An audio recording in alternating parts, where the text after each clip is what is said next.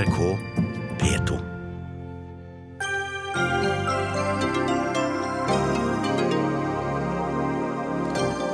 Det lyser rødt for luften ti steder i landet i dag. Arbeiderpartiet vil ha svar på hvorfor regjeringen ikke har gitt grønt lys for lavutslippssoner før vinteren, slik Stortinget har bedt dem om. Hvor ble det av lesegleden, spør litteraturkritiker. Han har lest Norges mest populære skolebok i norsk. Nå forstår han hvorfor sønnen i åttende klasse ikke liker faget, men lærerne er fornøyde, svarer forlaget. Prøveprosjekt med å la 16-åringer stemme ga flere unge folkevalgte. Nå vil ungdomsorganisasjonene gi stemmerett til 16-åringer over hele landet. Og de mange partiene som er endt i uavgjort, får sjakkommentator til å snakke om remiens estetikk i forkant av det kanskje avgjørende partiet i sjakk-VM i kveld.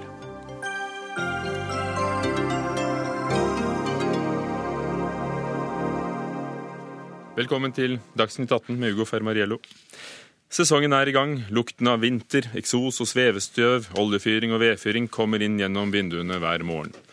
I dag har det lyst rødt for luftkvaliteten i Bærum, Fredrikstad, Lillehammer, Gjøvik og Hamar, Kristiansand, Moss, Stavanger og to steder i Oslo. Rødt lys betyr altså høy forurensning og betydelig helserisiko. Og det er svevestøv av typen PM10 som er synderen. På Hjortneskaia i Oslo, det er helt nede ved fjorden og der Kiel-fergen legger til, ble det målt over fire ganger høyere nivå enn akseptabelt. Britt Ann Høiskar, seniorforsker ved Norsk institutt for luftforskning. Hva er disse PM10-partiklene vi får i oss? Det er svevestøv. Det er små partikler som holder seg i lufta over lengre tid.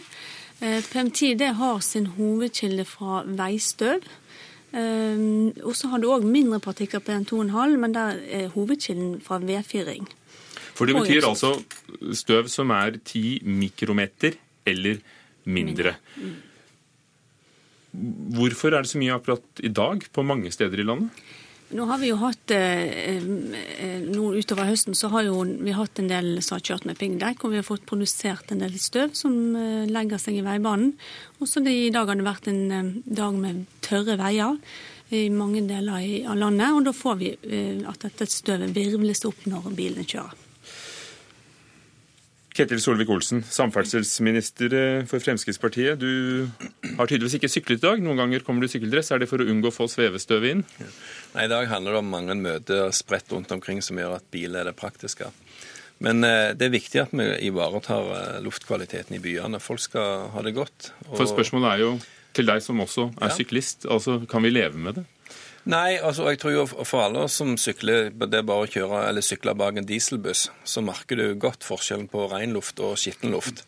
Eh, og Det eksemplifiserer det jo. Og så er det litt mer komplekst når du snakker om en stor by, der du har eh, mye luftforurensning langs veiene, men så får du òg eh, iblandingen av vedfyring, som, som, har en annen effekt igjen. Og Det er summen av dette som, som blir skadelig. Og Vi må se hvordan klarer vi å få samfunnet vårt til å fungere, hvordan får folk varme i husene og komme seg dit de skal, uten at du får den forringelsen av luftkvaliteten som vi ser på enkelte dager. Jan Bøhler, stortingsrepresentant for Arbeiderpartiet. Hva bør gjøres? Og hva bør han gjøre, Solvik-Olsen? Det er eh, ett tiltak som eh, vi ikke har i byene i Norge, som man har i de aller fleste byer ellers i Europa. Det heter lavutslippssoner. Det er rundt 50 i Tyskland, 7 i Sverige, 7 i Danmark. Og det er da et eh, lovhjemmel som, sånn som Oslo kommune trenger for å innføre det. Og det vedtok først Stortinget i 17.3.2015. ba Solvik-Olsen og regjeringen fremme et sånt forslag til lovhjemmel. Og da det ikke kom noe, så vedtok Stortinget nå 3. mai i år eh, at eh, vi gjorde et eget vedtak om selve lovhjemmelen, sånn som det ble utformet av Stortinget selv, som er uvanlig. Men det var enstemmig også med, med Solvik-Olsens parti. Og Der var det også beskrevet i detalj hvordan den eh, sonen skulle se ut. og Den skulle bl.a. omfatte alle slags eh, biltyper som blir drevet fram med motor, som det står.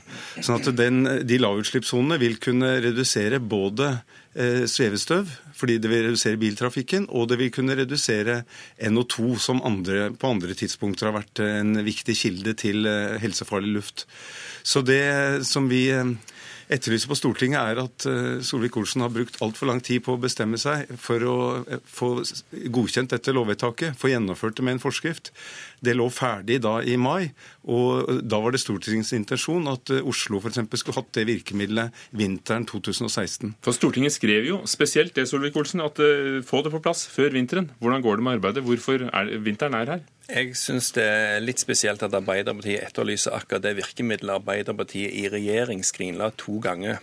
Sånn at det, det, er en forskjell på Arbeiderpartiet i opposisjon og Arbeiderpartiet i regjering. Hvor, Han skal få det spørsmålet, men, ja, men hvor, nå er det nå du som sitter der, ja, statsråd. Og, og, Derfor kan jeg si at det er framdrift på det forslaget nå, i motsetning til tidligere. Nå er det på høring for andre gang. Jeg skulle gjerne sett at vi slapp det, så vi kunne hatt det i kraft allerede. Men det handler litt om jussen og, og, folkedemokratiet i Norge. Men eh, min arbeidshypotese nå er at vi har det på plass fra nyttår. Må kommunene vente på det for å innføre lavutslippssonen? Nei, det, må, det, det, altså det, er det som gjør debatten litt spesiell. At hvis du vil ha lavutslippssone om sommeren, når du normalt ikke har problemer med luftkvaliteten stort sett, så må du ha dette regelverket på plass. Men hvis du vil ha lavutslippssone når det faktisk er eh, luftutfordringer, så har du allerede lov til det. Så Oslo kunne tatt i bruk et annet regelverk som gir deg mulighet til å ha akutt lavutslippssone. Men det har de valgt å ikke gjøre. Istedenfor etterspør de dette som de selv skrinla i regjering, som plutselig nå er blitt veldig viktig. Og Da vitner det om det er litt andre agenda her eh, som handler mer om å kjefte på regjeringen enn å faktisk gjennomføre alle de virkemidlene de har tilgang til. Ja, Jan Bøhler, eh, var dere med å skrinlegge dette her eh, da dere satt i regjering? Jeg orker nesten ikke å høre Solvik-Olsen eh, fortsette å klage på den rød-grønne regjeringen i den saken her. Altså fordi at eh, det var i, altså I 2014 ble dette veldig aktualisert ved en sak som kom opp for ESA-domstolen. Og jeg skulle ønske at Senterpartistatsråden i 2012 også hadde gått inn for lavutslippssoner. Men det var ingen sak som hadde samme oppmerksomhet da hos oss i stortingsgruppa og andre steder. sånn at jeg syns Så den ble lagt til side. Men jeg nå... skulle ønske det var blitt gjort da òg, men jeg vil bare Eh, si at nå har det gått tre år, og nå kan ikke Solvik-Olsen hver gang vi har denne debatten, holde bare snakke om eh, hva den rød-grønne regjeringen gjorde. Og så til, til saken her nå. Og, og, og, så har jo da kommunene Nei, du kan ikke det, for jeg tenkte jeg skulle ferdigstille spørsmålet, så skal du få snakke. Eh, kommunene har jo anledning til å, å, sette i gang tiltak uh, allerede før dette kommer bebudet ved nyttårstider? Nei, Det er ikke riktig at det er samme type tiltak. For det som er på dager med akutt forurensning, altså på dager hvor det er uh, røde, røde, varsler, der har Oslo kommune vedtatt i sommer et uh, regelverk hvor de kan skru opp bompengetakster og sånn kraftig for å redusere biltrafikken kraftig på de dagene. Og Det er bestemte regler for når nivået har ligget så så høyt. Det er altså et akutt tiltak som man gjør gjør når man har kommet opp i helsefarlig luft. Det som lavutslippssonene skal gjøre, det er å være permanente, forebyggende, hindre at vi kommer opp i de røde nivåene. Og slik man har oppnådd i mange andre europeiske land. Så det er veldig stor forskjell på det som er permanente lavutslippssoner, for å løse problem på sikt, både når det gjelder svevestøv og NO2, de må jo skru sammen på en riktig måte, og det som er akutte tiltak etter at skaden er oppstått. Jeg oppfatter at Bøhler snakker seg vekk fra dette. fordi at Det regelverket er ikke så firkantet som den gir inntrykk av, men det fordrer faktisk at du gjør lokale vedtak. Og så er det faktisk sånn når, når Bøhler selv nevner at ja, Norge ble dømt for at vi hadde dårlig luftkvalitet i årene 2009 til 2012. Det er altså 2009 til 2012. Men det fortsatte i 2013 og 2014, så jeg skjønner ikke hvorfor du skal fortsette med det der. No, fordi at det, det, Når vi snakker om, om, problemene i dag, så er det viktig å huske hvor årsakene kommer ifra. Vi hadde en regjering som fulgte byene våre. Poenget er jo, men åtte år Kort om de forrige regjeringene. Nei, men altså, Dette er ikke å skylde på forrige regjering, men det bare viser at i åtte år så gjorde Bøhler to ganger negativt vedtak på dette. Nei, løp, det var ikke opp i Stortinget. Nei, men du, ditt parti Senterpartiet i regjering gjorde det. Og det, jeg skulle ønske det Nå skriver vi altså 2016. Jo, men, vi er så heldige å ha to eksperter her. Kan, kan jeg bare fullføre dette? Fordi at Arbeiderpartiet satt i regjering, men poenget mitt er at nå har, nå har vi sittet i tre år, og lovverket kommer til nyttår. De satt i åtte år, og de skrinla det to ganger. Og Det er òg litt av, av, av, greia her. at La oss nå se på hvilke løsninger vi finner. Og de kommer til nyttår. Og, og Stortinget var skjønt enige denne gangen, så ja, nå, nå er vi der. Er også Fremskrittspartiet med, og da er vi veldig lei oss for at vi nå har måttet vente enda mange måneder siden 3. mai på å vedta det Stortinget vedtok. Et øyeblikk. Jeg har lyst til å høre, jeg har lyst til å høre med Per Schwartze, avdelingsdirektør ved Folkehelseinstituttet og ekspert på luftforurensningsvirkninger. Hvor farlig er det, den luften folk puster inn i dag eh, på over ti steder i landet? Det varierer jo hva man ser på. Vi har jo gjort beregninger av sykdomsbyrden eh, som følge av luftforurensning. Og eh, for Oslo så har vi jo beregnet at PM10 bidrar med ca. 100 for tidlig død over et år. Vi har også beregnet det for PM2,5, men man kan ikke slå sammen disse tallene. For det ene er for korttidseffekter av luftrensning, PM10. Og det andre er for langtidseffekter, langtidsøkte nivåer av PM2,5. Og Det er et mye høyere tall. Og Hva slags effekter snakker vi om på, som vi kan kjenne? Eh, det er klart at det med for tidlig død er jo en statistisk evaluering. Mens eh, det som Solvik-Olsen eller Bøhler, som begge sykler sånn som meg, eh, hvis de sykler, så kanskje de kjenner at de må hoste litt ekstra. At de får litt sånn ubehag i halsen og sånne ting.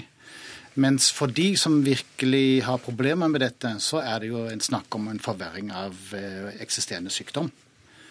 Eh, og de må kanskje til og med vurdere om de kan oppholde seg i visse områder i byen, eller de må vurdere å ta mer medisin for å kunne oppholde seg visse steder. Britt Høiskar, som luftforsker, vil lavutslippssonene som vi nå har diskutert, eh, vil de hjelpe? på, på luftkvaliteten som den som eh, vi opplever i dag? Ja, altså Lavutslippssoner er jo primært et, et, godt tiltak knyttet, eller rettet mot å få ned nivåene av nitrogendioksid. Uh, og vi har jo uh, Vi bryter jo grenseverdiene nå som gjelder årsmiddelet. Derfor er lavutslippssone et viktig tiltak, permanent tiltak, som skal få ned nivåene av nitrogendioksid gjennom hele året. Er i utslippet fra bilene? som er eksosutslipp. Eh, når det gjelder veistøv, så går det på piggdekkandel, det går på fart og det går på antall kjøretøy. Eh, så det er viktig å ha fokus på dette med svevestøv fremover, fordi vi har en befolkningsvekst i byene som er ganske stor. Eh, så vi tåler ikke så stor trafikkøkning.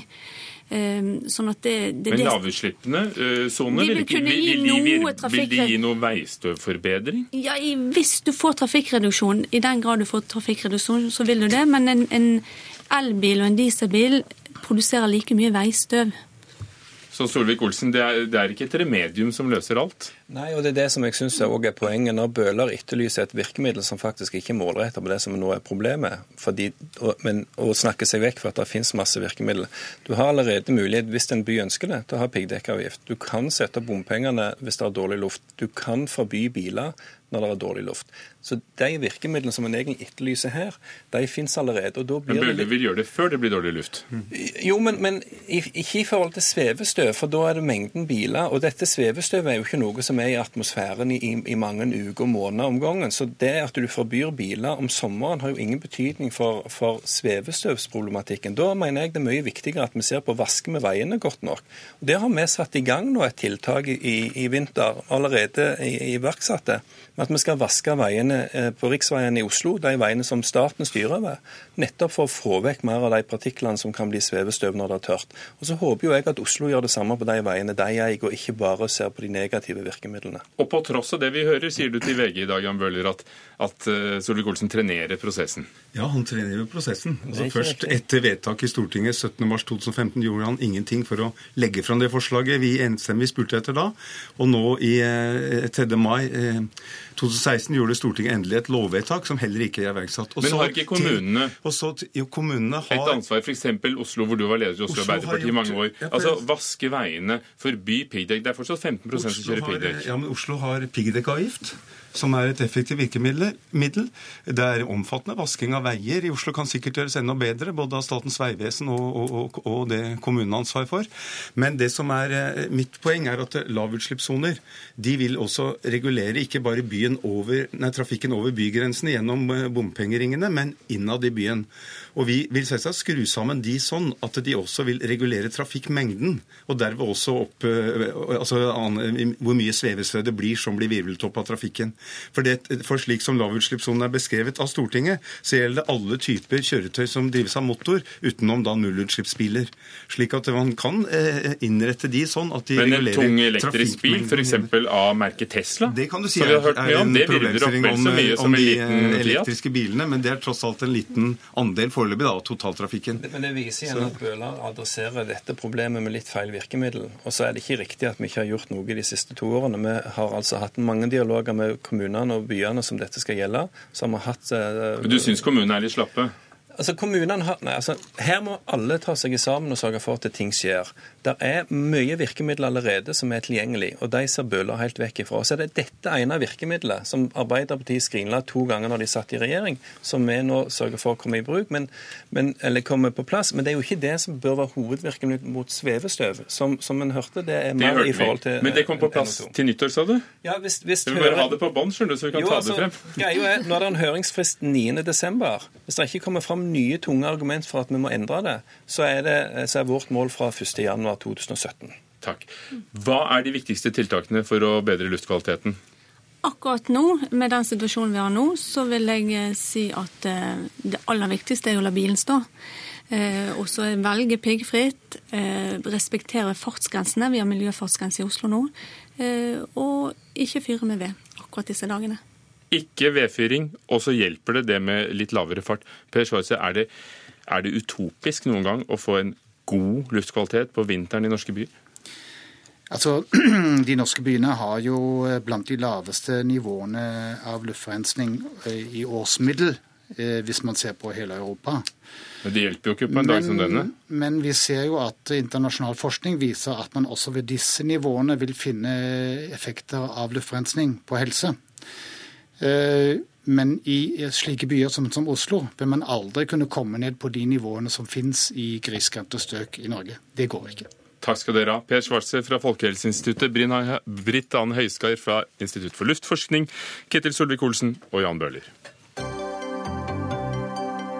Dagsnytt 18 alle hverdager kl 18.00 på NRK P2 og NRK2.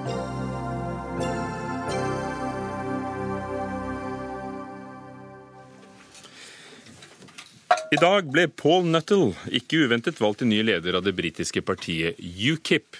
Det EU- og innvandringskritiske partiet spilte en viktig rolle da Storbritannia i en folkeavstemning tidligere i år sa nei til videre EU-medlemskap, såkalt brexit. Og UKIP er landets tredje største parti på meningsmålingene. Espen Aas, vår korrespondent i London, hvem er Paul Nuttall? Ja, Hvem er Paul Nuttall? Det er et spørsmål som nok mange har eh, stilt seg i dag. En del vil huske ham som nestleder i partiet. Noen vil kjenne ham som eh, medlem i eh, Europaparlamentet for UKIP. Og noen vil kanskje også huske ham som mannen som sa at han iallfall ikke hadde noen planer å bli leder i UKIP, som han nå er. Den tredje lederen på kanskje bare tre måneder.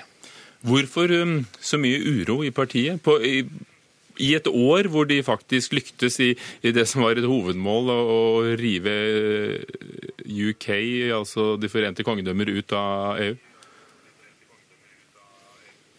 Ja, Det er vel kanskje nettopp derfor. Partiets aller viktigste sak har jo, vært, har jo, vært, å få Storbritannia ut av EU og få til en folkeavstemning, og det gjorde de. Og da var plutselig spørsmålet hva nå UKIP? Og Nigel Farage, som har vært den karismatiske lederen i så lang tid, sa at nå var han ferdig. Så valgte de en ny leder i september på et landsmøte hvor jeg også var. Hun varte i 18 dager, og så var det over. Så måtte Nigel Farage tilbake igjen. Og så har vi altså fått en leder som han liker, og som åpenbart størsteparten av partiet liker. Han fikk over 62 eh, av stemmene. Det er jo ikke det samme som at han vil klare å hanke inn de som har vært kritikere av måten Farnage har ledet partiet på.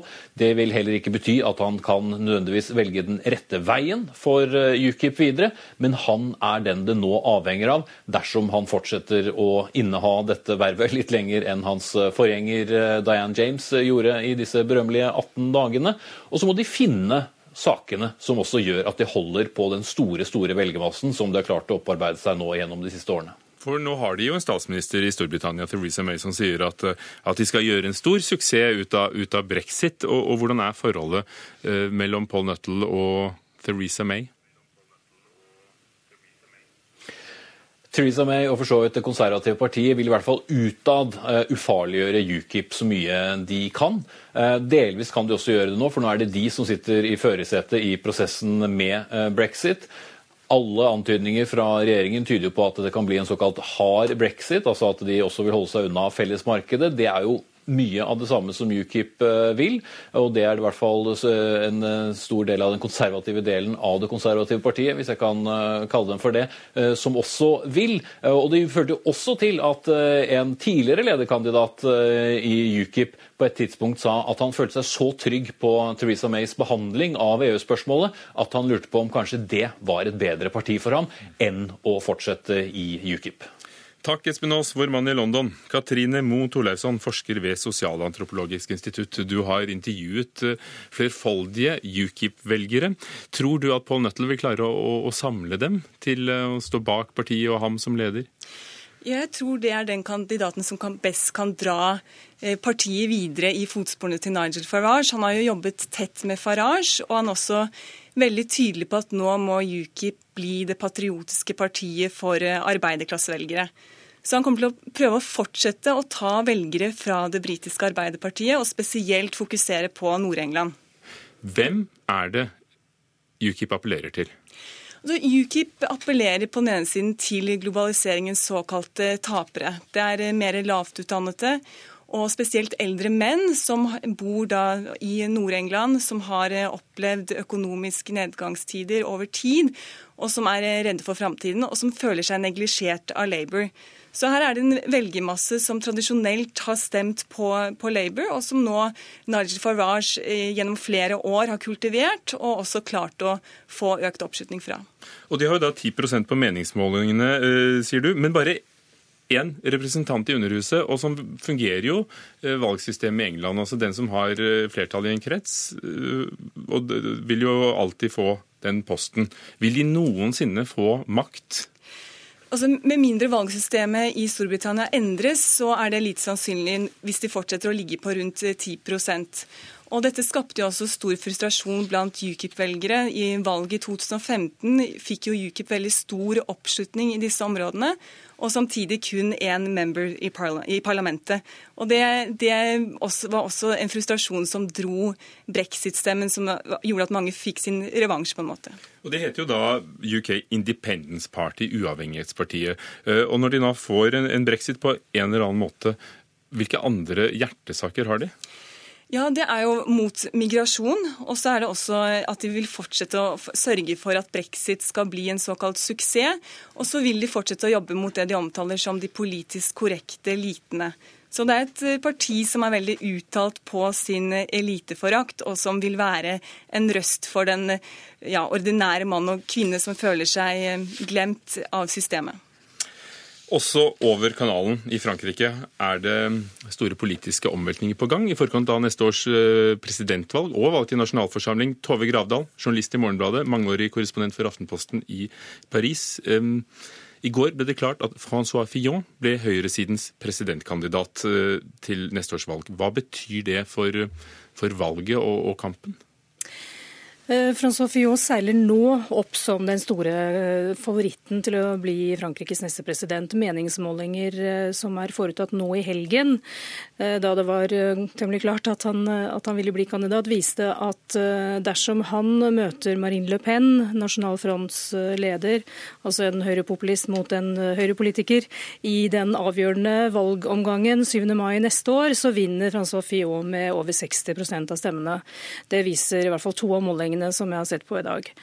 Og um, dette er, Francois Fillon er ikke noen ønskekandidat for Marine Le Pen, fordi han uh, ligger uh, mye nærmere Nasjonal Front på noen uh, vesentlige områder, f.eks. i spørsmålet om immigrasjon og um, eller innvandring og integrering.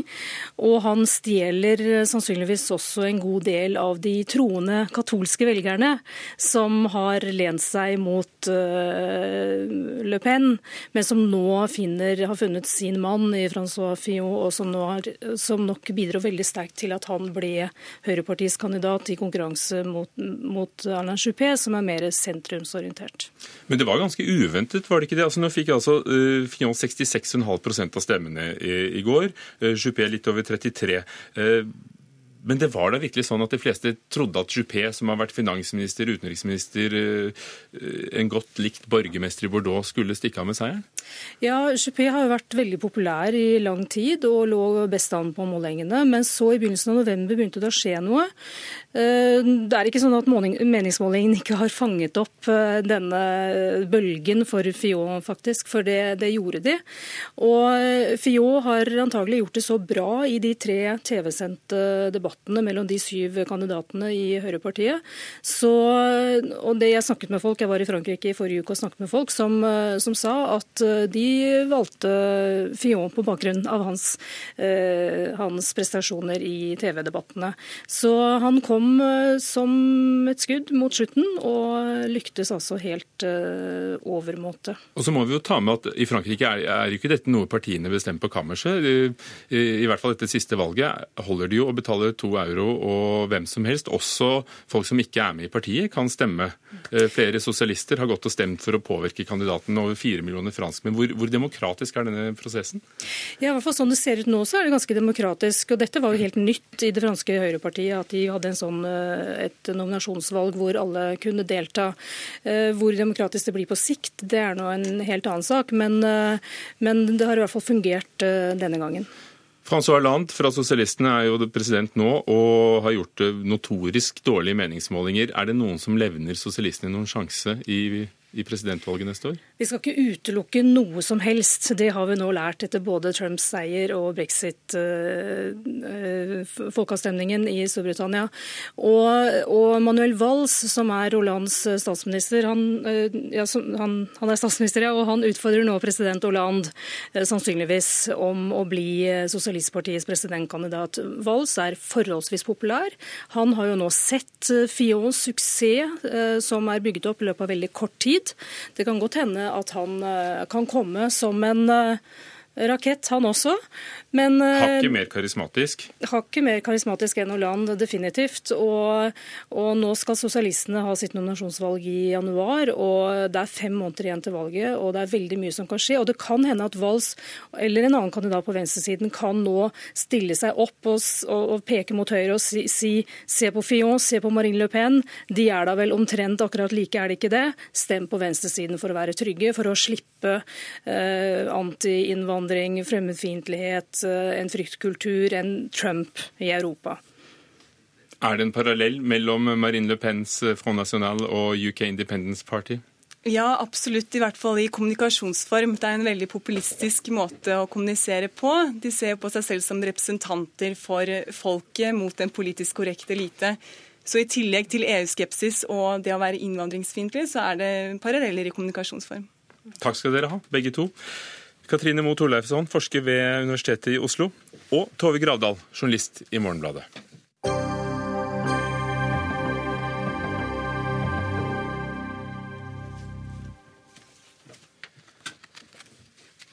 Dette er ikke å inspirere til leselyst og skriveglede. Jeg fikk hakeslepp, skriver Knut Hoem, litteraturkritiker her i NRK på NRK Ytring, etter å ha lest norsklæreboken til sin åttendeklassing.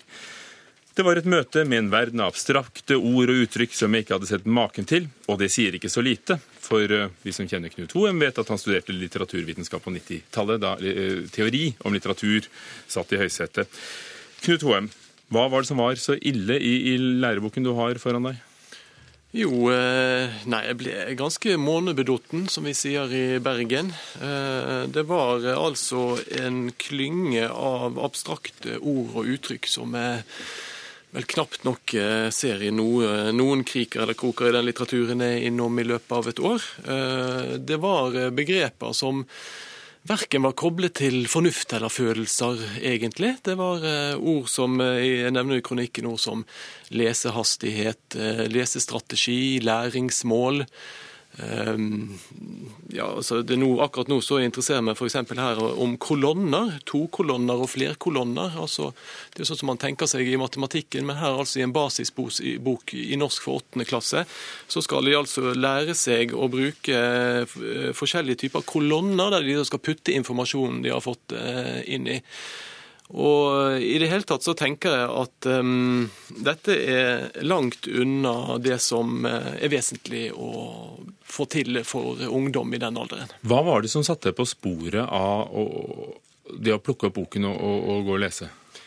Nei, det var det at uh, sønnen min sa det at han ikke syntes at norsk var så spennende, på tross av at han, uh, han syntes læreren var veldig ålreit i norsk. Og, og, og, så kom det ut av sånne ord Jeg hørte jo fra barnerommet sånne ord som lesestrategier og sånn. Og det var jo et ord som var helt uh, nytt for meg. Jeg forsto rett og slett ikke hva det uh, betydde. Men de er veldig opptatt av i denne læreboken å fortelle elevene at det er veldig stor forskjell på det å være en leser. Og det er f.eks. det å være en skumleser det er noe helt annet enn å være en punktleser eller å være en nærleser. Altså For meg så er jo lesing, uansett om jeg leser oppvaskmaskinen sin bruksanvisning eller Kafka, det handler om det samme. Det handler om å skjønne innholdet. Og alle disse begrepene er ikke viktige, det er innholdet som er vesentlig å formidle. Alexander Henriksen, konstituert forlagssjef i undervisning i Gyldendal forlag. Hva slags leser er du? Punktleser? Skumleser? det er ønskelig at man er alle typer leser, egentlig. Eh, og at man forstår hva som er hva, ikke minst. Hvordan bidrar Så... denne bokserien eh, som heter Kontekst, til mm. leseglede for åttendeklassinger? Ja, altså, det, som, det som HM eh, peker på her, eh, det er en veldig viktig ting, for det første. At uh, selvfølgelig er det viktig i norskfaget at man får en leseglede, en opplevelse, og vil lese mer, ikke minst. Og så er det sånn i norskfaget at du kan si det grovt sett er delt i to. Det så det skal ikke bidra til leseglede? Jeg skal bare utdype det. Det er delt i to. Så Den ene biten den handler om kultur og identitet, og nettopp det med å kunne få en dybde og en opplevelse som man kan fly av gårde med, og, og som man føler tar det av gårde som, som, leser. Den andre biten handler om eh, ferdigheter.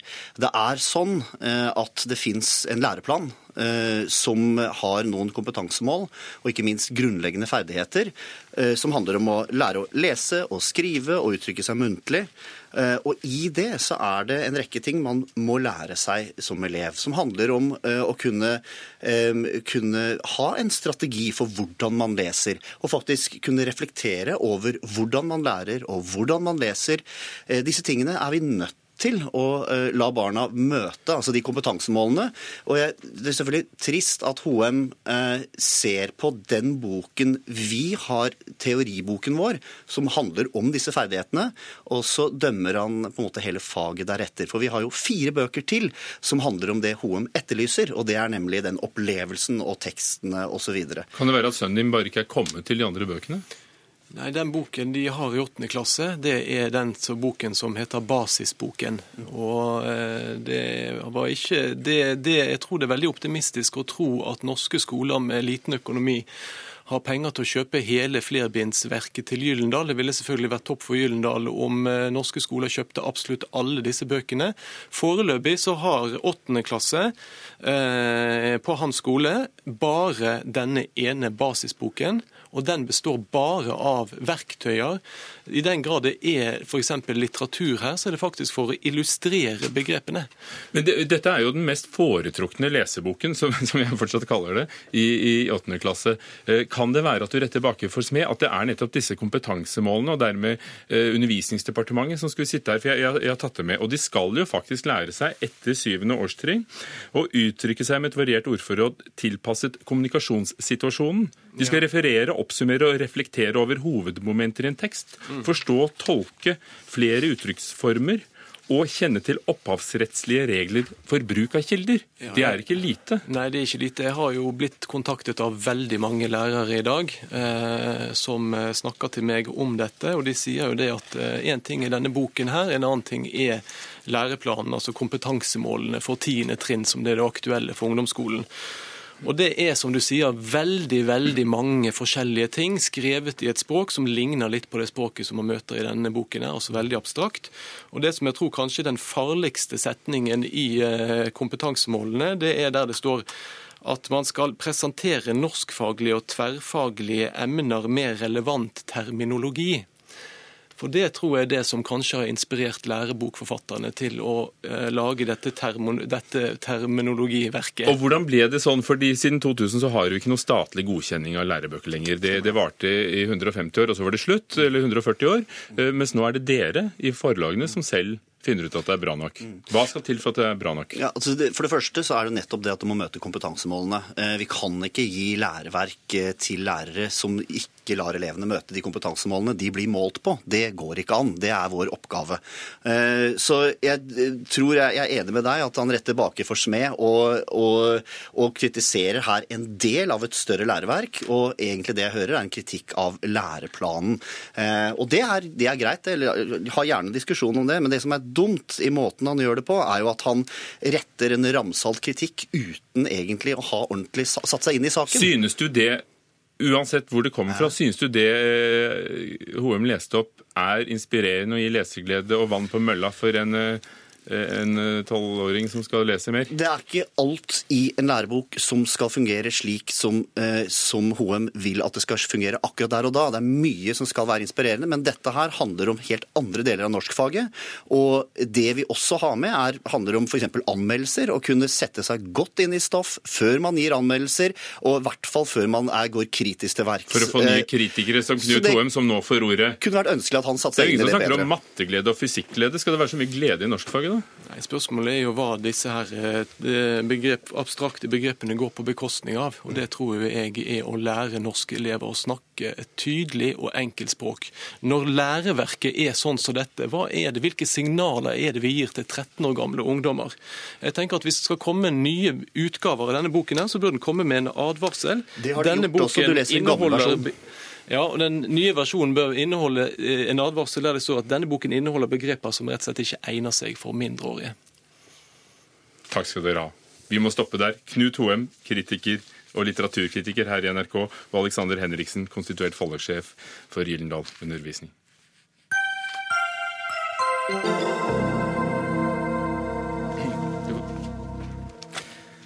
I 20 kommuner har 16-åringer fått stemme i de to siste kommunevalgene. 17-åringene også, for så- vidt. Og Det har ført til flere unge politikere i kommunestyrene. Det kunne oppmerksomme lyttere av Nyhetsmorgen i NRK P2 få med seg i dag tidlig. I de 20 forsøkskommunene ble det altså valgt inn 50, flere, 50% flere politikere under 25 år enn i andre kommuner. Og nå ønsker Landsrådet for Norges barne- og ungdomsorganisasjoner at alle 16- og 17-åringer bør få stemmerett, altså over hele landet. Og leder for eh, landsrådet, LNU, Stian Seland. eh, 16-åringer er ikke myndige, kan altså da ikke alltid ta ansvar for seg selv i lovens forstand. Hvorfor skal de bestemme hvem som skal bestemme over oss? Altså I et liberalt demokrati så skal man ha gode grunner for å holde noen utenfor, og ikke gi noen demokratiske rettigheter. Vi har nå fått eh, to vellykkede forsøk som viser at stemmerett for 16-åringer, det virker. Når 16- og 17-åringer får stemmerett, så stemmer de. Det fører til flere unge folkevalgte, og kommunene ønsker selv å innføre dette. Eh, Så vi mener nå at tiden er inne for å innføre permanent 16-årig stemmerett, og gjøre det allerede fra kommunevalget i 2019. Men noe av det regjeringen ville, som de ikke har fått til med denne ordningen, viser Institutt for samfunnsforskning, som la frem denne undersøkelsen i dag, eh, er at eh, det blir ikke flere som stemmer. Altså, de, de, Det ser ikke ut til at det vil være flere som stemmer. Det er litt forstemmende. Nei, altså Uansett hvordan du snur og vender på det, så har eh, valgdeltakelsen økt. Altså Når man eh, utvider hvem som får stemme, så fører det til at flere stemmer. Eh, ved å slippe 16- og 17-åringene til i to forsøk, så har over 130 000 flere fått muligheten til å delta i demokratiet. Det vi jo ser, er at 16- og 17-åringene har deltatt i langt større grad enn de ordinære førstegangsvelgerne. Men det blir ikke flere på sikt i prosent. Nei, altså vi, vi ser jo at 16- og 17-åringene eh, har stemt i mye større grad enn førstegangsvelgerne, og flere har fått mulighet til å stemme. Flere har fått mulighet til å delta. Og Sandra Bruflot, første nestleder i Unge Høyre. Det må da være eh, en flokk av unge mennesker dere kan dra nytte av å, å høste i ungdomspartiene? Ja, absolutt. Og det er veldig bra at, at flere har fått muligheten. Men vi mener jo at stemmerett bør følge myndighetsalderen. Eh, og så er det ikke sånn at Jeg mener jo det ville vært veldig rart hvis Unge Høyre hadde hatt det som prinsipp, og så ser vi at oi, vi kan få flere unge inn i kommunestyret fra Høyre, og da skal vi bytte standpunkt. Nå viser det seg dessverre for, for deg eller andre partier at uh, unge stemmer omtrent uh, likt som andre. Likt. Altså, stemmer. de, de, gjør ikke noe med partifordelingen. Nei, og det er jo forskjell, forskjellen fra Norge til andre land, f.eks. Storbritannia og USA. Eh, at eh, her så stemmer de mye likere enn det de har gjort der. Men vi mener likevel at stemmerett bør følge myndighetsalderen, og at valgbarhet er et ganske viktig prinsipp. Altså skal du eh, kunne stemme, så bør du også kunne bli valgt inn. Eh, og så kan man si at ja, da bør man jo eh, si at man kan bli valgt som 16-åring. Men da dukker det igjen opp noen problemstillinger som ikke er så hyggelige, eller som vi mener er et paradoks. da. F.eks. så vil du da ha myndighet til å bestemme folks liv og skattebetalernes penger, men du har ikke myndighet til å bestemme over deg selv. Eh, Du vil ikke ha mulighet til å ta opp lån, men du vil ha mulighet til å bestemme kommunens gjeldsgrad. Eh, Sånn at vi mener at, stemmerett bør følge myndighetsalder, og at du bør være valgbar. Det høres jo ganske enkelt ut, fordi du skal kunne velges hvis du selv skal velge. For å ta dette med myndighetsalder først. altså Opp gjennom historien så har det vært unntaket og ikke regelen at myndighetsalder og stemmerettsalder har vært den samme. Og Det at den er lik i dag, er ikke et argument i seg selv for at den skal fortsette å være det. I dag er det sånn at man har både rettigheter og plikter knytta til ulike aldergrenser både før man fyller 18 år og etter at man fyller 18 år. Når det gjelder dette med valgbarhetsalder, så er ikke det et spørsmål LNU har tatt stilling til. Men den juridiske utredningen man fikk i forbindelse med forsøksvalget i 2011, viste at det er ingen juridiske hindre eh, for at 16-åringer eh, skal være Men hvorfor ikke 15 valgbare. Nei, men altså 16 år mener vi er et, et logisk sted når vi skal utvide demokratiet. Der har man gjennomført to forsøk, og det er også da man har gjennomført obligatorisk skolegang. Det er jo sånn at det er forskjellige myndighetsaldre, alt er avhengig av om man skal drikke sprit eller ha sex, f.eks. Absolutt, det er det, men valgbarhet har vært lik stemmerett siden eh, andre verdenskrig. Sånn at eh, det at ikke stemmerett har fulgt myndighetsalder, er en helt annen ting. Vi har heller ikke hatt kvinnelig stemmerett hele tiden, uten at det betyr at man igjen skal fjerne det, eller at jeg tror at LNU vil fjerne det. Så det mener jeg ikke er et argument. Eh, Men også er det ja, rettigheter og plikter, det er forskjellig. Men det gjelder 15-åringer, det gjelder 14-åringer, det gjelder 13-åringer, og da kan man stille seg selv hvor mener eller nå at grensa skal gå? Men mener du og Mm. Unge Høyre at det, burde, at det er en god ting med flere unge folkevalgte? Ja, absolutt. Så hvordan vil du få det? For dette har vist seg da, eh, ifølge Institutt for samfunnsforskning, å virke for å få inn Mm. flere i kommunestyrene. Hvordan vil du gjøre det, hvis dere ikke kan gjøre det på denne måten? Altså Det man ser, er jo at 16-åringene kompenserer for at 18-åringene og 20-åringene ikke stemmer. Sånn at jeg mener at det er viktigere å få 18- og 20-åringene til å faktisk bruke stemmeretten sin. Fordi det man ser her, er at eh, 16-åringene som har deltatt på to forsøk, de får ikke en god stemmerutine når de blir 18, sånn som man hadde trodd. Sånn sett så har ikke forsøket fungert. Det er helt riktig at man har fått inn flere, men jeg mener at man må få 18-åringene til å stemme inn de unge. Og så må man sørge for å holde de i kommunestyrene, for det er et kjempeproblem i dag. For hvorfor ikke oppfordre 18-åringer til å bruke den stemmerettigheten som kommer med myndighetsalderen og valgbarhetsalderen? Man kan gjøre flere ting på en gang. Det er absolutt. Vi jobber også mye med å få andre velgergrupper til å stemme. Men altså nå har vi gjennomført to forsøk hvor vi vet at 16- og 17-åringer stemmer når de får stemmerett. Innfører man dette permanent, så vil dette, også varig endre hvordan skolen jobber med sin demokratiopplæring. Hvordan man jobber med disse spørsmålene og valg.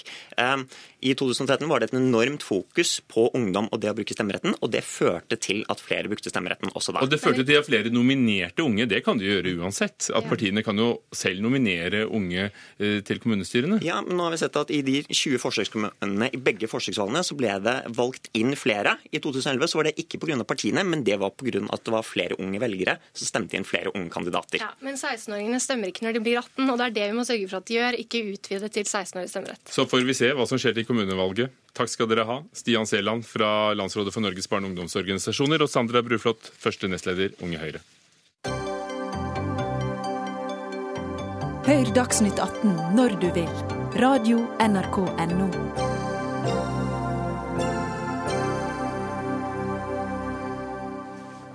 Neste uke offentliggjøres nok en PISA-undersøkelse, og dermed blusser debatten om kvaliteten i norsk skole opp igjen. PISA er den eh, mye omtalte internasjonale undersøkelsen som måler 15-åringenes ferdigheter i matematikk, naturfag og lesing.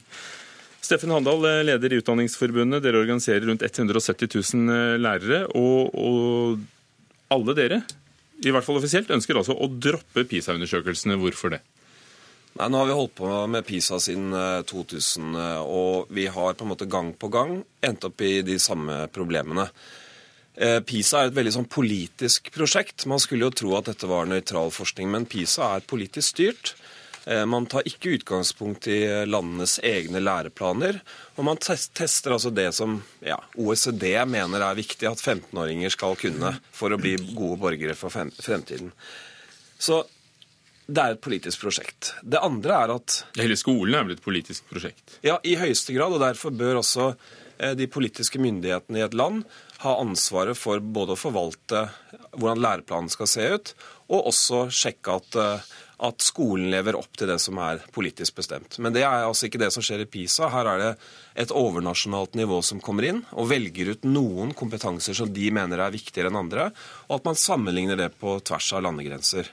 Eh, som et slags mesterskap. Og sånn blir det også presentert. Altså Norge kommer bedre eller dårligere ut, eller vi kommer hjem, eller Ja, det er som å komme hjem fra et OL uten medaljer, er det en minister som har sagt en gang.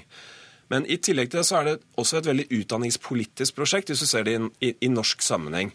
Norske politikere bruker også PISA-resultatene for å bane vei for sine egne forslag til politikk. Eh, som ikke nødvendigvis er betinget av hva som er målene for Norge, men det som de har som politiske ambisjoner. er det det du gjør, Torbjørn Røe Isaksen, kunnskapsminister fra Høyre? Men, men, i så fall, hvis det var det man gjorde, nå er ikke jeg enig i det heller, men i så fall så må man jo diskutere med norske politikere, ikke diskutere om vi i det hele tatt skal være med i PISA. Uh, og det er sånn, PISA er jo ikke et VM, det er ikke et OL, det er ikke, det er ikke om å gjøre å havne på toppen. Uh, men det er altså det største forskningsprosjektet vi har på skole og utdanning. Så er det helt riktig som Utdanningsforbundet sier, at det er jo ikke da knyttet til om du kan akkurat det som står i den norske læreplanen, det er knytta til noen ferdigheter som gir mening å sammenligne på tvers av land. Og det jeg synes er så pussig med Utdanningsforbundet sin kritikk, og i og for seg de partiene på Stortinget som har sagt at vi skal melde oss ut av PISA også, det er at altså, diskuter gjerne skolepolitikk. Diskuter gjerne hvordan mediene vinkler og fokuserer på PISA. Eh, kritiser gjerne oss politikere for hvordan vi snakker om det. Men at konsekvensen av at man er misfornøyd med debatten eller resultatene, skal være at man melder seg ut av det største internasjonale forskningsprosjektet på skole vi har, det gir ikke noe mening. Og Særlig ikke for Utdanningsforbundet, som jo har brukt veldig mange år nå på å nettopp satse stort på forskning. En av de tingene Utdanningsforbundet har vært kjempegode på, lansert en egen nettside for eksempel, hvor de skriver om skoleforskning. Og så er da en av de tingene de fortsatt holder fast ved, det er at vi skal melde oss ut av det største skolepolitiske forskningsprosjektet vi har. Men Steffen Handal, er det ikke bare å ta det med en klype salt og bruke, bruke resultatene for det det er verdt, og innsatte det sier ikke noe om alt, men det sier noe om noe? I 2014 så lanserte Torbjørn Røe Isaksen Lærerløftet. Og da, For å liksom vise fram hvor viktig dette var, så brukte han altså det som han fremstilte som dårlige PISA-resultater, eh, for å si at nå må vi gjøre det som jeg mener er klokt. Så det, Dette handler ikke bare om debatten. Det handler også om at PISA-resultatene blir brukt. Og dette skryter også Andreas Schleicher, den viktigste personen for PISA. Han skryter av hvordan PISA også har endret læreplanene i land etter land, og, og, og, nærme, og, gjort at vi nærmer oss en slags global læreplan. Dette er i høyeste grad noe for norske utdanningspolitikere å diskutere, ta stilling til. Og de må også erkjenne at de er i ferd med å flytte makt ut av Stortingets sal og inn i et inn, overnasjonalt uh... er, er, det en globalisering uh, som gjør at vi jo, mister altså, vår egenart? Er det derfor nei, vi innførte firerkravet i matte til nye lærerstudenter? Nei, nei, det hadde ingenting med det å gjøre. Men uh, altså, la meg si to ting. Altså, for det første, På en måte er jo selvfølgelig PISA globalisering. og Det er for at det er meningsfylt å ikke bare si noe om hvordan gjør norske skoleelever det når vi sammenligner oss med oss selv, men også forsøke å sammenligne med Sverige, Danmark, Finland. og ja, også andre land langt borte. Det gir mening. Det andre er at hvis det hadde vært sånn at alle våre egne tall. altså PISA gir jo bare et bitte lite bilde av Skole-Norge. Hvis det var sånn at det var kjempestor forskjell på det PISA viste og hva våre egne tall viste, så ville det jo vært noe kanskje fishy på gang, eller noe, noe verdt å se nærmere på. Men f.eks. matematikk så var en av de tingene jeg snakket veldig mye om i 2014 og snakker mye om fortsatt. Så hadde forrige runde med PISA hadde vi en nedgang, klart dårligere enn sist. Samtidig vet vi at også de karakterene som norske lærere gir elevene sine, standpunktkarakteren, eksamenskarakterene, også har gått ned. Altså med andre ord, PISA bekrefter et større bilde om norsk skole, akkurat om matematikk f.eks. Før du får ordet igjen, eh, Steffen Handal. Solveig Witzen Dahl, leder i Norsk skolelederforbund. Dere har 1500 medlemmer blant rektorer og inspektører. Dere er uenige med Utdanningsforbundet. Dere syns PISA-undersøkelsene er, er nyttige? Vi mener at PISA gir verdifull eh, informasjon som, eh, som vi trenger eh, på et overordna nivå. Og det, det, har vi behov for i forhold til å få de styringssignalene som politikerne trenger for å gjøre de satsingene de skal gjøre. Så vi er nok ikke der i dag at vi mener at PISA skal avskaffes. Brukes de, de riktig, syns du? Altså, det blir jo alltid mye oppstuss når disse resultatene kommer. Altså, om ikke for politikere, i hvert fall for media, så ser det jo litt ut som det var et OL på gang.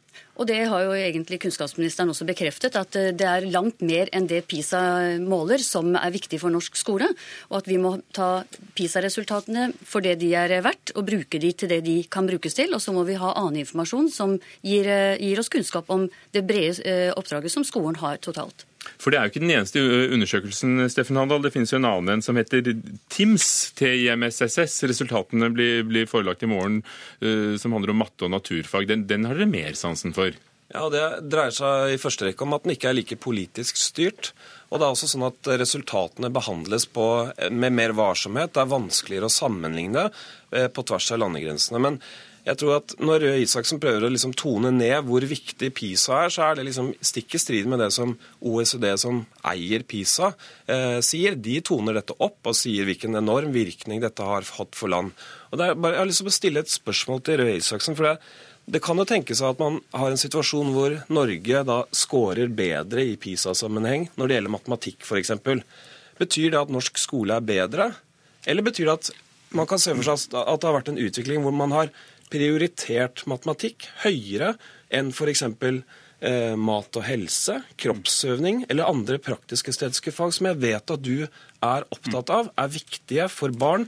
Ikke bare for å lære godt i matematikk, men også for å lære godt i de andre fagene. Ja, men eh, det er klart det kan hende at hvis man gjør det bedre i matematikk, så har man prioritert matematikk høyere. Men nå mener jeg også at realfagsundervisningen i både matematikk og naturfag har vært for lavt og for dårlig prioritert i, mange, Norge mange år. Og matematikk og naturfag står i en særstilling. Både fordi vi har få naturfagstimer, og fordi matematikk ikke bare er det største strykfaget vi har, men et av de fagene hvor flest elever faller fra, og hvor vi sliter med altfor få elever på toppnivå. Og Dette vet vi ikke bare pga. PISA eller TIMS, dette vet vi også fordi vi har nasjonale prøver som Utdanningsbundet også av en eller annen grunn ønsker å eh, sterkt svekke. Er, er PISA politisk? Det kom en påstand her om at nei, PISA nei, er, poli nei, er, politisk. Er PISA politisk? Nei, PISA er ikke politisk styrt. PISA er faglig styrt. Eh, så jeg tror det Steffen Hannan mener, er at PISA har også blitt tillagt politisk vekt. Men da burde det jo for øvrig være sånn at når jeg nå forsøker å nettopp si at PISA ikke er et VM, ikke er et OL, at det bare viser ett bilde av skolen, så burde jo Utdanningsforbundet være fornøyd. For det er nettopp den nyanseringen som dere har etterlyst i mange år. PISA er ikke fasiten på norsk skole, men det er én viktig del av bildet, og det er altså det største internasjonale skoleprosjektet vi har, og forskningsprosjektet vi har. Vent litt, Hvordan foregår PISA? Hvordan måles det? Det er jo bare et lite utvalg av 15-åringene som, eh, som, testes eh, hvert tredje år. Og, eh, men for en egen liten eksamen, da? Jeg, jeg, tror ikke de anser at det er som en eksamen, men, men det, er en, det, er et lite utvalg elever som, som har, gjennomgår denne undersøkelsen. Og Det vi har tilbakemeldinger på, er ikke at det er en stor og krevende eksamen for, for skolen å ta. Men er det ikke greit å få, å få, et bilde på noen helt sammenlignbare størrelser mellom landene? Fordi det er jo sånn en dag at vi reiser og studerer og jobber på tvers av ett felles arbeidsmarked i Europa. Jo, Hvis det var så enkelt at vi kunne gjøre det, så burde vi jo gjøre det. Men eh, poenget er jo nettopp at det ikke er det. Og det er også sånn at norske myndigheter vil ha nasjonal styring på utdanning. Og det, det tror jeg det er allmenn aksept for i, i, hele landet, egentlig. Derfor er noe av dette et dobbeltbudskap til skolen. og det, altså Statsråden later som at PISA også tester for, for den saks skyld mat og helse eller kroppsøvning. Ja, det gjør de jo ikke. Det er jo, dette, det er jo dette utvalget som gjør at PISA i seg selv kan være farlig. Altså, Norsk utdanning er som et kart. Men Kan det være farlig i seg selv? Ja, norsk... du, sa, du, sa, det, at ja, det kan være farlig i seg selv? Hør, da. Norsk norske, norske utdanningssystemet kan være som et kart. Og PISA det er at du tar lommelykten din over kartet på ett område. Når oppdraget og kartet er så stort, så kan vi altså ikke bare måle det lille, det noe det vil gå utover det andre. Og, og det det når dette farlig. lyset skinner da om noen dager og resultatene kommer, Torbjørn Røe Isaksen, og dette ikke er noe VM eller OL, for det skal vi snart snakke om, men det er noe helt annet. Hvordan tror du Norge gjør det i år? på PISA? hva? jeg blir jo informert om resultatene litt på forhånd. Ja, hvordan har Norge gjort det? er strengt hemmelig, så det kan jeg ikke si noen ting om. Takk skal dere ha, alle sammen. Statsråd Torbjørn Røe Isaksen, Solveig Wissen Dahl fra Norsk skolelederforbund og Steffen Handal fra Utdanningsforbundet.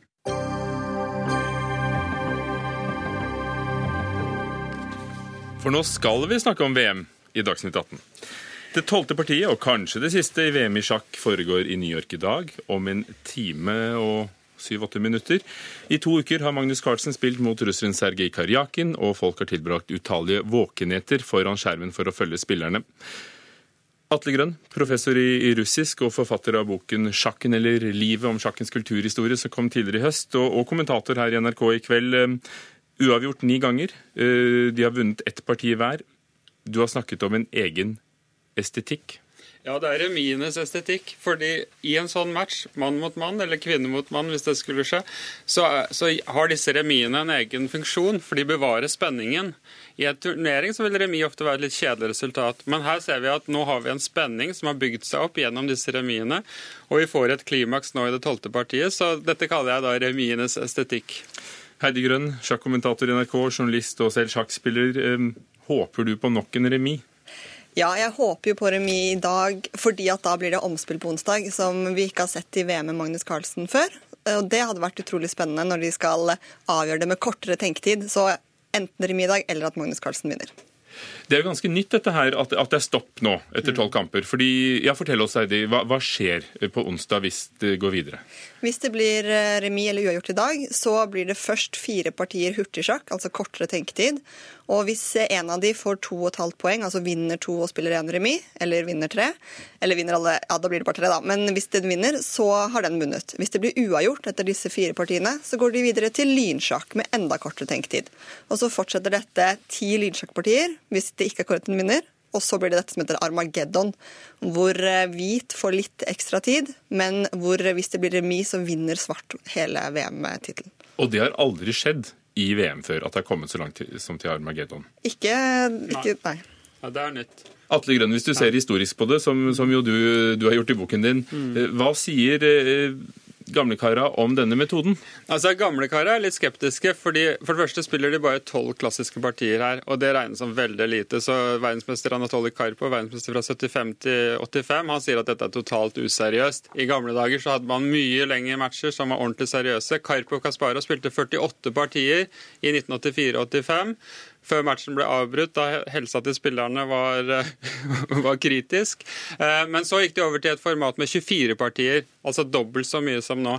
Så 12 partier, det er litt uh, vår det er tidsånden da, som alt skal gå fortere, og man kan ikke sitte og se på sjakkspillere i måneder etter måneder, så nå har man kuttet ned til to-tre uker og tolv partier. Men det er jo et paradoks at langsjakk-verdensmesterskapet da vil bli avgjort av hurtigsjakk, lynsjakk? Hvis vi skulle komme dit, så er det et paradoks. Og det er litt sånn som straffekonk i fotball. Så det er de som eh, skjønner seg på sjakk, og sjakkentusiaster, tenker vel at det er best om det blir avgjort på ordinær tid eller ordinære klassiske partier. Altså i kveld, i natt, norsk tid. 2,2 millioner mennesker har sett til sammen. Eh, I snitt 191 000 på hver TV-sending på NRK2. Og så er det kanskje de som ser på nett, og man kunne også se med 3D-briller hvis man logget seg på. Eh, hvordan forklarer du magien? Jeg tror sjakk er et eh, spill det er så lett å bare bli fanget inn i. Du lurer på hva de skjer videre. Og det er mange som sier at de tenker å De skal bare se litt til. De skal bare se hva han gjør i neste trekk. De skal bare se bitte, bitte litt til, og så blir man sittende i time etter time. Og vi har jo hatt halv tre om natta. 150 000 eh, seere. Det er, det er helt utrolig. Og det er vel flere enn antall aktive i hvert fall konkurransesjakkspillere i Norge? Det er en smule flere, ja. Vi har vel eh, la oss si 5000 aktive sjakkspillere i Norge. Og så er jo både Sergej Karjakin og Magnus Carlsen blitt typer, personligheter, stjerner. Mm. Karjakin nå russer, men historien hans er jo en annen. Ja, Han er jo født på Krimhalvøya i 1990 og var da ukrainer, men han har alltid vært etnisk russer og kjent seg som russer. og han han har jo sterke sympatier med Putin. Det som er interessant her, er at han er så populær i det norske folk norske folk liker Karjakin. Det liker den kjempegodt. Vi ser det kommer, det er startet eh, fanklubber for både Karjakin og for manageren hans. og det er, eh, Han får veldig mye sympatiske meldinger på, på sosiale medier, fordi han virker som en sånn hyggelig, jovial eh, sjakkspiller. Og det gjorde jo ikke Carlsen den dagen han marsjerte ut av pressekonferansen uten å si noe? Nei, han mistet nok eh, litt sympati. Fikk, da var det mange som la ut krasse meldinger om han. De syntes ikke noe om at han ikke tok seg tid til å snakke med pressen da han tapte partiet forrige mandag. Hva sier de i Russland, du som leser russisk? Altså, Russerne er fascinert av Carlsen. Han er sjakkens superstjerne. Og over hele verden, er, uansett hva som skjer i denne matchen, så er det Magnus Carlsen som er vår fremste merkevare, som er den fremste stjerna. Hvem står sterkest før kveldens parti om en time og to minutter? Magnus Carlsen eh, har jo oddsen på sin side. Han starter med hvite brikker, som er en, eh, en fordel, og er jo også mye høyere rated, eh, eller høyere på rankinglistene enn en Karakina, så han er helt klar favoritt. Men det blir spennende å se hvem som, hvem som dukker under for presset. Takk skal dere ha. Heidi Grønn, kommentator her i NRK, journalist Atle Grønn, forfatter av boken 'Sjakken eller livet'. Altså, Hun heter Heidi Rønneid. Heidi Rønneid. Slik var det. Takk skal dere ha. Marianne Myhrol, Fredrik Lauritzen, Ugo Fermariello sto for Dagsnytt 18. Hør flere podkaster på nrk.no podkast.